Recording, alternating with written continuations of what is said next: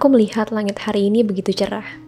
Jendela kaca menampilkan jelas refleksi diriku sedang duduk memandang udara hampa di luar sana. Seorang diri. Beberapa menit lalu, di sini ada Mbak Rere, makeup artisku yang sedari tadi pagi sudah menemani dan menyiapkan penampilan terbaikku hari ini. Kemudian, aku meminta waktu lima menit saja untuk membiarkanku sendiri di ruangan kamar yang sekarang sudah penuh dengan wangi parfum Dolce Gabbana Velvet Rose yang membuat aroma tiga jenis mawar semerbak di tubuhku. Ya, tentu saja, aku menyukainya. Ada satu hal kosong di ruang hatiku. Rasa hampa yang sama semenjak tujuh tahun lalu saat laki-laki pertama yang aku kenal pergi untuk selamanya ruang hati itu hingga kapan pun tidak akan pernah terisi penuh. Sosok laki-laki itu akan terus menjadi sosok laki-laki istimewa dalam hidupku. Rasanya sangat berat. Tujuh tahun lalu, saat aku melihat tubuhnya kaku berbaring di atas ranjang rumah sakit, aku berdiri di samping ibu. Menjadi seutuhnya anak kecil, berusia 16 tahun, yang termenung berasa tidak tahu apa-apa. Saat itu, aku ingat jelas bagaimana ibuku memandang wajah ayahku untuk terakhir kali. Dengan penuh tatapan cinta dan rindu, ia berbisik kecil kepadanya. Membuatku mendengar. Jelas, sangat jelas. Gak apa-apa, aku bakal jagain Anu. Dia bakal tumbuh jadi wanita yang kamu harapkan. Aku janji. Lalu kemudian, hari-hari kami menjadi berbeda. Ruang meja makan menyisakan satu rongga di sudut lainnya. Ibu selalu menyiapkan tiga piring dan tiga gelas. Namun, semenjak ayah pergi, satu piring dan satu gelas lainnya hanya terisi oleh angin. Ibu terkadang tidur lebih cepat. Setelah makan malam, ia mencium keningku hangat, mengucapkan selamat malam, lalu berjalan menuju kamarnya. Tidak ada lagi Candaria di ruang tengah. Begitupun aku. Semenjak ayah pergi, aku lebih banyak menghabiskan waktu sendiri di rumah. Sementara ibu memutuskan untuk melanjutkan pekerjaannya menjadi seorang guru di suatu sekolah menengah atas negeri di kota kami. Di rumah, kuhabiskan hari-hariku dengan menulis, membaca, dan terkadang menonton video tokoh inspiratif seperti Mas Gita Wiryawan, Putri Tanjung, Dian Sastro, dan masih banyak lagi. Rasa hampa dan sepi itu perlahan berubah menjadi motivasi besar yang tumbuh untuk menjadi sosok orang hebat di masa depan. Aku sadar betul bahwa hidupku sekarang, jika dilalui hanya dengan tangisan air mata, rasa sesal dan sedih mendalam hanya akan membuat luka kian kelam. Aku sedih, tentu. Aku sepi, jelas. Tapi, Ayahku tentu ingin aku dan ibuku melanjutkan hidup kami sebaik mungkin. Ada atau tidak ada dia di sisi kami. Hari-hari berlalu, bulan demi bulan terlewati, tahun demi tahun berganti. Aku melanjutkan studiku di jurusan manajemen bisnis. Aku lulus dengan predikat terbaik. Ibuku saat itu tersenyum lebar penuh haru.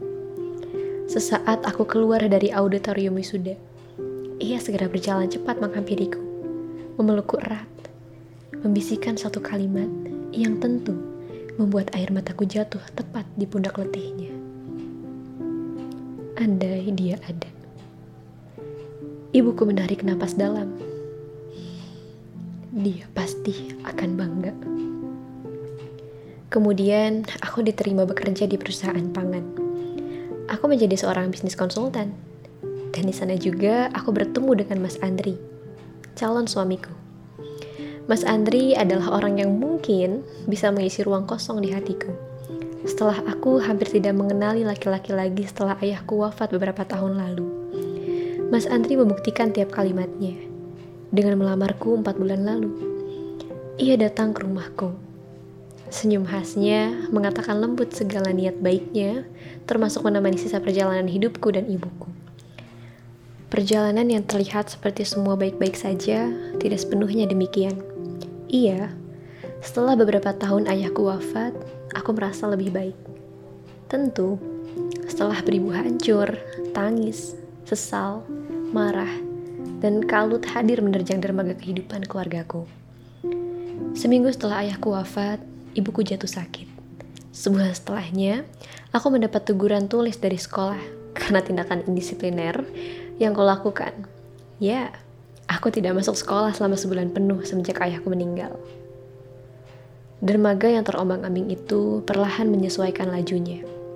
Perlahan, kami berusaha berjalan tertatih letih, mengangkat tubuh rapuh ini, mengusap air mata yang terus-menerus membasahi lengkung pipi kami untuk melanjutkan kehidupan kami. Karena kehilangan bukan untuk terus merasa hilang Hari ini, salah satu hari terpenting di hidupku. Aku masih melihat bayangan samar di jendela kaca. Hari ini, seorang wanita kecil tujuh tahun lalu dengan mata sembab penuh air mata, kini terlihat penuh rasa bahagia. Walaupun ada rasa kosong di hatinya, ia yakin itu adalah bukti bahwa ia akan terus merindukan dan mencintai ayahnya. Kemudian aku berdiri berjalan keluar ruangan, menemukan ibuku yang semakin cantik menungguku. Ia tersenyum kepadaku. Aku tahu senyum itu apa. Persis seperti senyum beberapa tahun lalu di depan auditorium selepas aku wisuda. Hari ini, salah satu hari terpenting di hidupku. Aku masih melihat bayangan samar di jendela kaca. Hari ini seorang wanita kecil tujuh tahun lalu dengan mata sembab penuh air mata kini terlihat penuh rasa bahagia. Walaupun ada rasa kosong di hatinya, ia yakin itu adalah bukti bahwa ia akan terus merindukan dan mencintai ayahnya. Kemudian aku berdiri, berjalan keluar ruangan, menemukan ibuku yang semakin cantik menungguku. Ia tersenyum kepadaku. Aku tahu senyum itu apa. Persis seperti senyum beberapa tahun lalu di depan auditorium selepas aku wisuda. Aku memegang tangannya erat. Aku mendengar sayup-sayup suara Mas Andri mengucapkan kalimat akad. Dalam hati kecilku, aku berbisik, sah. Aku menyelusuri lorong panjang, melihat cahaya terang di depan. Mas Andri berdiri. Aku menggenggam tangan ibuku erat. Namun, aku juga merasa tanganku yang lain terasa hangat. Ayah memegang erat. Hatiku lirih berucap, Andai ayah ada. Napasku terhenti sesaat. Satu persatu air mata bahagia mengalir mengukir wajahku. Dia pasti bahagia. Aku tersenyum kemudian, melihat suatu masa depan. Dariku Anda, semua akan membaik saat kau lepas, saat kau bebas. Berbicara pada diri tentang apa yang terjadi.